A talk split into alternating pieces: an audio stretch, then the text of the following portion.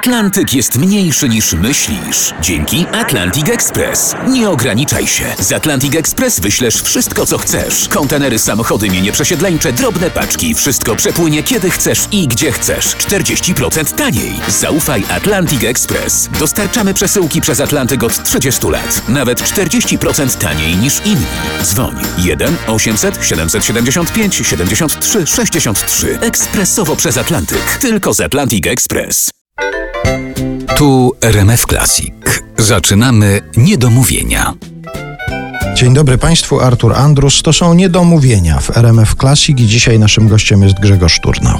Dzień dobry. Grzegorz Turnał, który w paru rozmowach, które przeczytałem przed tą naszą rozmową, przyznał się, że największą przyjemność sprawia mu cisza. I tak się zastanawiałem, jak to zrobić, żeby ci było przyjemnie od razu w tej rozmowie. Radio i cisza.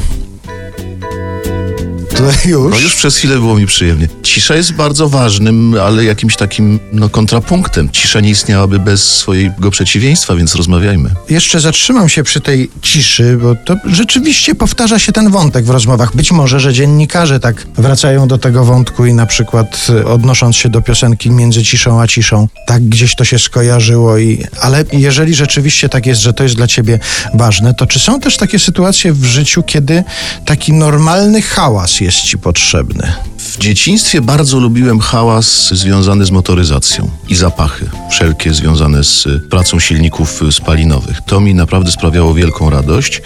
Co się zredukowało w tej chwili i coraz częściej myślę jednak o pojazdach elektrycznych, jako tych, które mogłyby mnie kiedyś jeszcze wozić. Nie mam takiego hałasu, rozczaruję cię, drogi Arturze, nie mam takiego hałasu, który bym mógł nazwać swoim ulubionym hałasem. No na przykład hałas lotniska. Nie, tutaj się muszę przyznać do tego, że coraz mniej mam tolerancji na hałas. Jeszcze gorzej, coraz mniej lubię głośną muzykę. Coraz częściej sięgam wyłącznie po takie płyty, czy chodzę na takie koncerty, na których wiem, że mnie nie spotka trzęsienie y, ziemi w sensie akustycznym. Mhm. Więc to może to jest kwestia wieku. No tak już mam. Kiedyś zdarzało mi się odkręcać bardzo głośno muzykę w domu, w tej chwili się to właściwie nie zdarza. Jeszcze nawiązując do tego hałasu i do ciszy, masz jakieś takie miejsce, w którym miejsce, porę, okoliczność, w której dochodzisz do takiej absolutnej ciszy? No sen może być pewnie takim, ale tak jak nie śpisz, to są takie momenty. Masz miejsce w domu na przykład, w którym się chowasz i tam masz absolutną ciszę? Nie, chyba nie mam takiego jednego miejsca. Wiesz co, ja, mi się tak poukładało, że ja mieszkam w bardzo starym domu, który w dodatku jest drewniany.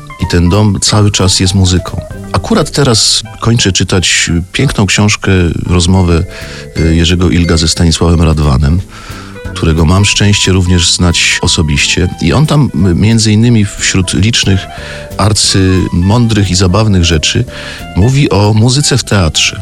I właśnie w teatrze, według niego, i ja się z tym absolutnie zgadzam, muzyką jest właściwie prawie wszystko, łącznie z ciszą, też z, z ruchem aktora. Więc ja myślę, że w moim tym domu, który cały czas gra, bo drewno cały czas pracuje i żyje, te elementy ciszy przetykane tym naturalnym graniem domu są właściwie muzyką. I na tym poziomie ja już nie muszę włączać płyt.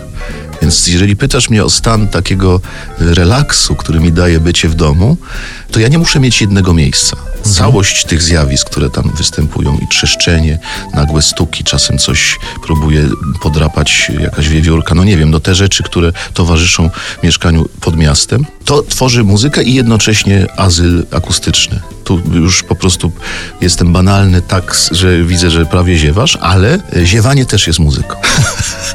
Jeszcze może nam się uruchomi w trakcie tej rozmowy. Zobaczymy. Też takie dźwięki mogą się w radiu przydać.